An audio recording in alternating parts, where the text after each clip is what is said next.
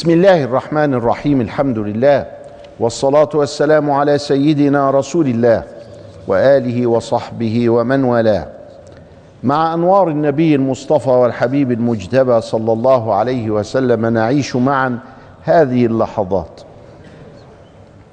تكلمنا على أن النبي صلى الله عليه وسلم أوحي إليه وفي الكتب يقولون على رأس الأربعين وعلى رأس الأربعين وهو قد ولد في ربيع الأول. يكون الوحي بدأ في ربيع الأول وهو على رأس الأربعين.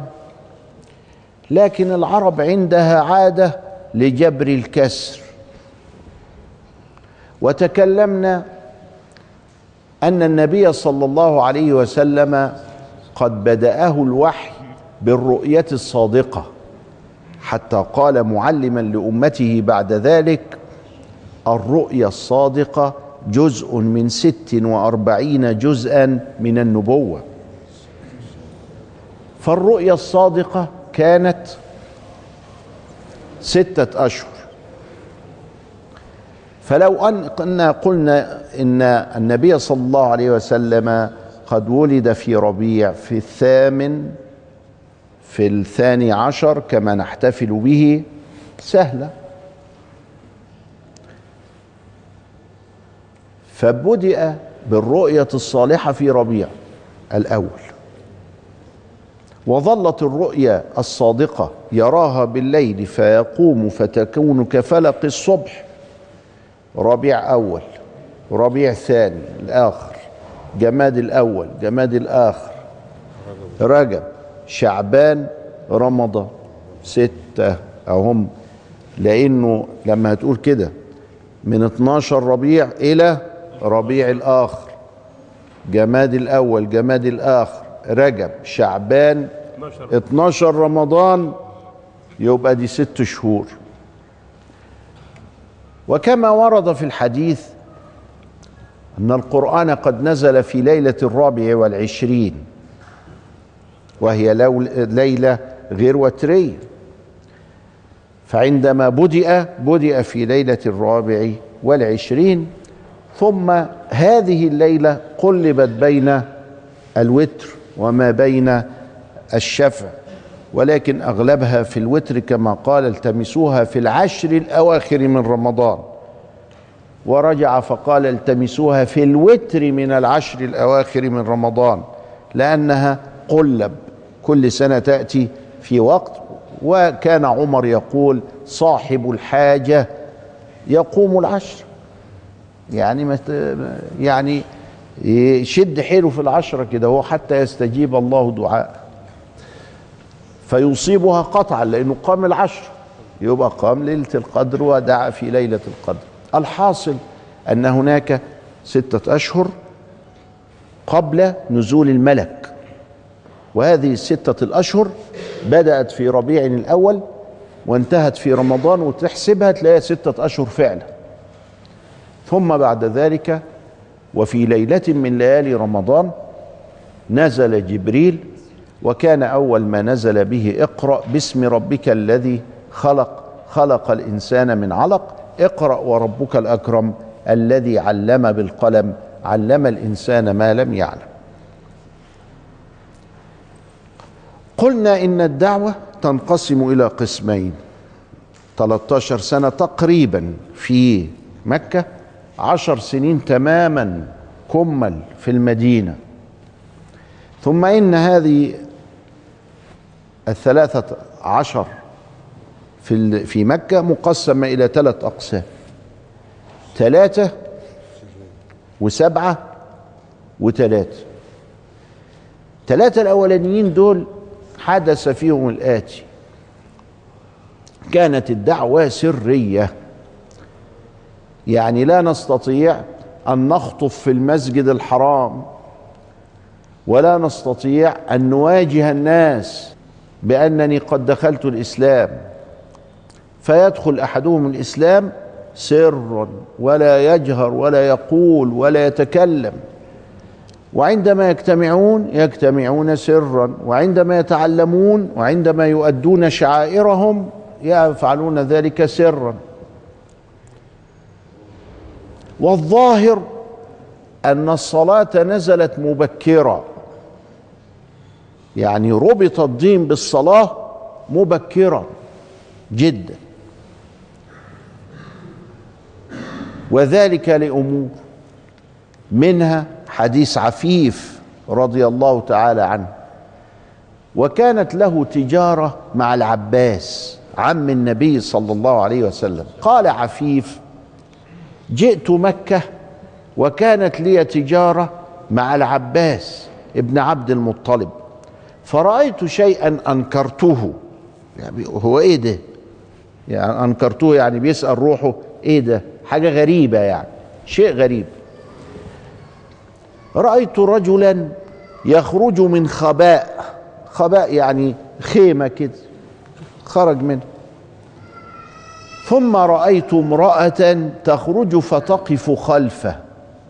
ثم رأيت صبيا يخرج من الخباء فيقف عن يمينه. فقلت للعباس ما هذا؟ مش من هذا؟ يعني إيه الحكاية دي؟ هم بيقفوا ليه كده؟ مش مش متعودين ان إحنا نعمل كده. مين ده؟ إيه الحكاية؟ ما هذا؟ يعني ما هذا الحال يعني؟ فقال هذا ابن أخي محمد. يدعي أنه قد أوحي إليه.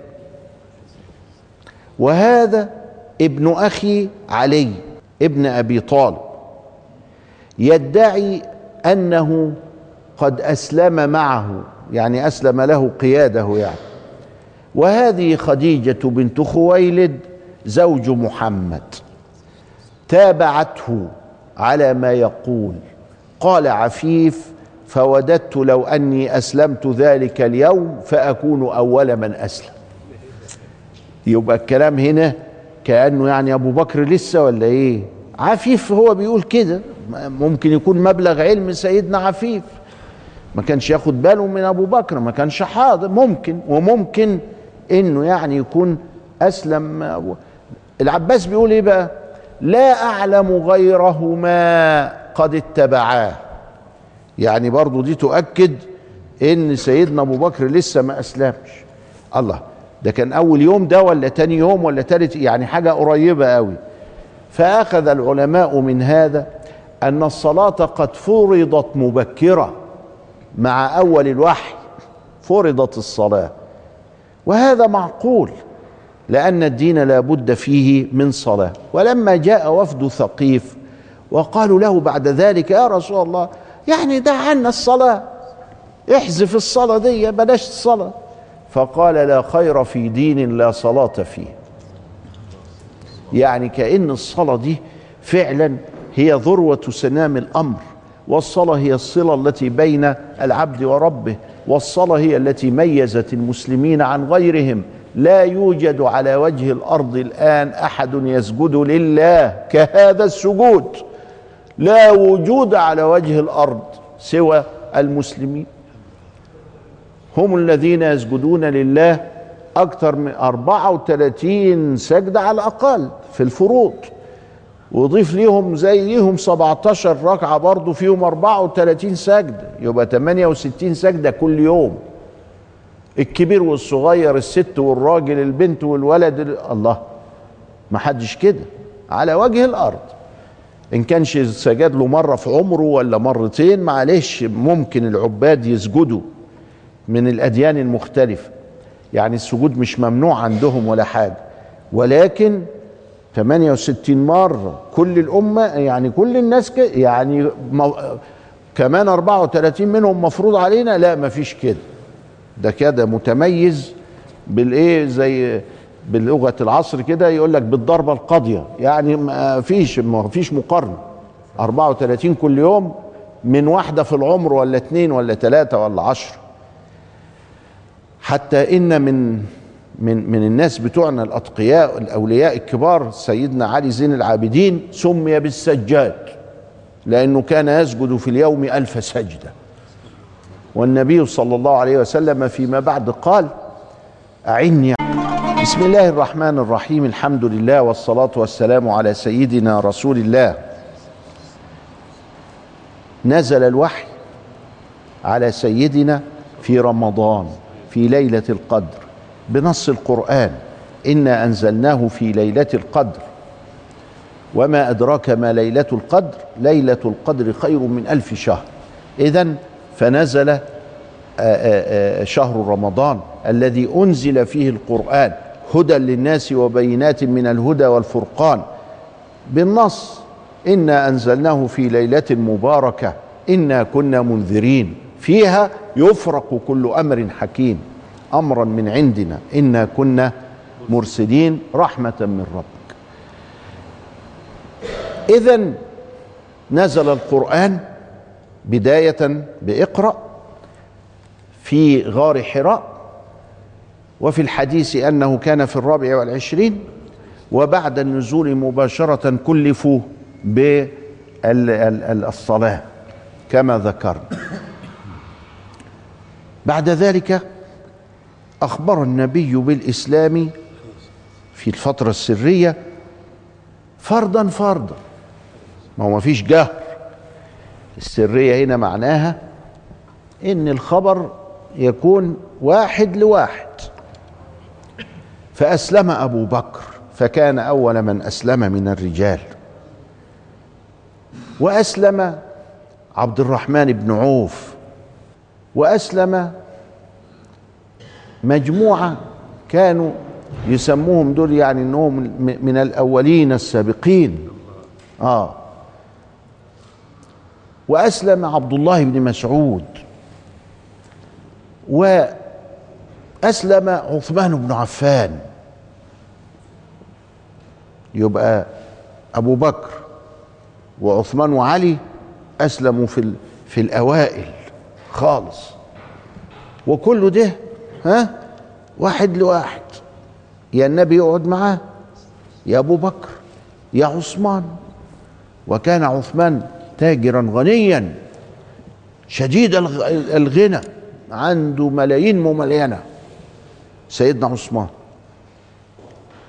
ترك هذه الملايين وسافر إلى الحبشة بقى في سنة خمسة هنشوف. إحنا دلوقتي في سنة واحد من الوحي آه من النبوة. بعد كده في سنة خمسة تزوج السيدة رقية. بعد الحمد لله ما طلقها عتبة ابن أبي لهب. الحمد لله وما دخلش بيها. كتب الكتاب بس وبعدين أبو لهب قال له فركشها عشان نشغل محمد ببناته. فاتجوزها المليونير. عثمان بن عفان رضي الله تعالى عنه وأرضاه. وتزوج بعد وفاتها بأم كلثوم فسمي بذي النورين معاه النورين رقية وأم كلثوم زوج الاثنين رقية وأم كلثوم. وقال والله لو كانت عندي ثالثة لزوجتكها يعني مش متشائم منه مش ماتت البنت وماتت البنت واختها عنده فيتشائم منه لا. ده من الصالحين الكبار ومن الأولياء العظام الفخام سيدنا عثمان. ده مرة من الملايين بتاعته جهز جيش اسمه جيش العسر. يعني إيه؟ تخيل أنت واحد مليونير ملياردير عندنا هنا وبعدين راح إيه؟ عطل جهز الجيش بتاعنا كده أهو. إيه ده؟ مفيش كده. مفيش الغنى ده. اللي يقدر يجهز الجيش. لا ده جهز الجيش. فلما النبي رأى النفقة يعني آه، حاجة زيادة. يعني إيه ده الدنيا في يده وليست في قلبه. قال ما ضر ابن عفان ما فعل بعد اليوم. فما زاده ذلك إلا تقوى. إيه ده ومات وهو يقرأ القرآن. يعني لما بيقول له ما ضر ابن عفان ما فعل بعد اليوم اعمل اللي انت عايزه بقى خلاص.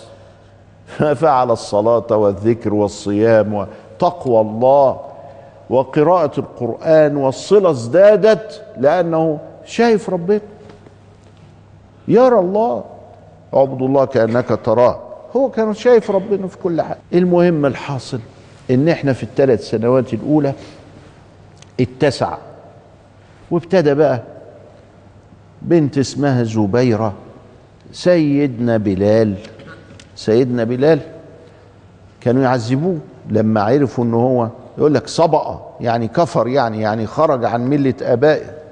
فسيدنا أبو بكر اشتراه وأعتقه علشان لما يعتق عامر بن فهيرة وبلال وزبيرة وفلانة وعلانة يعني لما يعتقهم كده هو لوجه الله قوم يبقى إيه؟ إيه إيه إيه ما فيش حد يقدر يعذبهم ولا ليهم راسي براسك. أنا وكنت إيه؟ كنت أسير كنت عبد لكن النهارده كنت حر. نظام كده كان موجود وربنا ريحنا منه. المهم إن كان عمر بن الخطاب يقول إيه؟ سيدنا أعتق سيدنا. سيدنا اللي هو مين؟ أبو بكر. أعتق سيدنا اللي هو مين؟ بلال. آه. سيدنا أعتق سيدا. سمعت مرة في إحدى القنوات كده بيقول آه، آه، سين بلال أحسن من شينو؟ ولا شين بلال أحسن من سين هو بيقول أشهد كان يقول اشهد ده حديث موضوع نص الحفاظ على أنه موضوع باطل. سيدنا بلال كان يتكلم العربية كلاما فصيحا وسيدنا النبي اختاره مؤذنا بعد ذلك لأنه كان أندى صوتا في الصحابة. وسيدنا بلال فضل يؤذن حتى انتقل النبي إلى الرفيق الأعلى. فلما انتقل النبي إلى الرفيق الأعلى أم إيه ما عرفش يأذن مرضيش. قال خلاص كنت أؤذن ورسول الله فينا. وأما الآن فسيبوني في حالي ما يقدرش. وذهب إلى الشام وإلى السواد ورجع مرة فألحوا عليه بالأذان فأذن فأبكى أهل المدينة كلها. كلهم تذكروا أيام النبي. وقاعدين يعيطوا من من صوت بلال عيشهم في الجو الايه؟ القديم بتاع سيدنا رسول الله. وإحنا في الثلاث سنين الاولى من الوحي. الإيمان كان نفر لنفر. بس برضو الثمانية الأولانيين تلاهم 24 وتلاهم بعد كده كمان 24 فالحكاية بقت إيه؟ يعني بتزيد. ولما تزيد كان في واحد اسمه جميل الجمحي ده كان خباص خباص قريش. إيه خباص دي؟ يعني ما تتبلش في بقه فولة. يعني إيه؟ يعني تقول له السر من هنا تقول له جميل تعال أنا هقول لك سر. يقول لك أيوه قول لي. وتقوله له يطلع يفضح الدنيا ويصوت بالخبر اللي انت قلته له إن هو سر. كان معروف عنه كده. جميل الجمحي ده. سيدنا عمر بعد كده لما أسلم أقول لكم حكاية حلوة. سيدنا عمر لما أسلم عايز يعرف قريش فراح لجميل. قال له يا جميل أنا أقول لك سر. قال له قول لي. إيه في إيه؟ قال له أنا أسلمت. فخرج جميل وهو يعني إيه؟ صوته عالي قوي. لقد صبا عمر ابن الخطاب صبا ابن الخطاب. وهو وراءه يقول كاذب كذب بل أسلمت. كذب بل أسلمت. آه في حد عايز يجي عمر كان طوله 3 متر هنية على حكايته. فاذا الجو إيه؟ برضه ما يعرفش سر 100% لكن ما فيش حد بيصلي في الظاهر ما فيش حد بيدعو في الظاهر ما بيقومش يخطب ما فيش كده. دي هي المرحلة السرية. في نفس الوقت فترى الوحي. فتر الوحي يعني تأخر. فالنبي عليه السلام كان يروح غار حراء تلفت في السماء مفيش الله. طب أنا دلوقتي أعمل إيه؟ اللي جالي ده صح ولا اللي جالي غلط؟ وأعمل إيه يعني أنا دلوقتي؟ كل هذا من إيه؟ رباه ربه. ربنا بيربيه. ربنا بيربيه. نجلس سويا في هذه الثلاثة السنوات الأولى في حلقة قادمة نستكمل ما هنالك مما حول نور النبي صلى الله عليه وسلم. فإلى لقاء أستودعكم الله والسلام عليكم ورحمة الله وبركاته.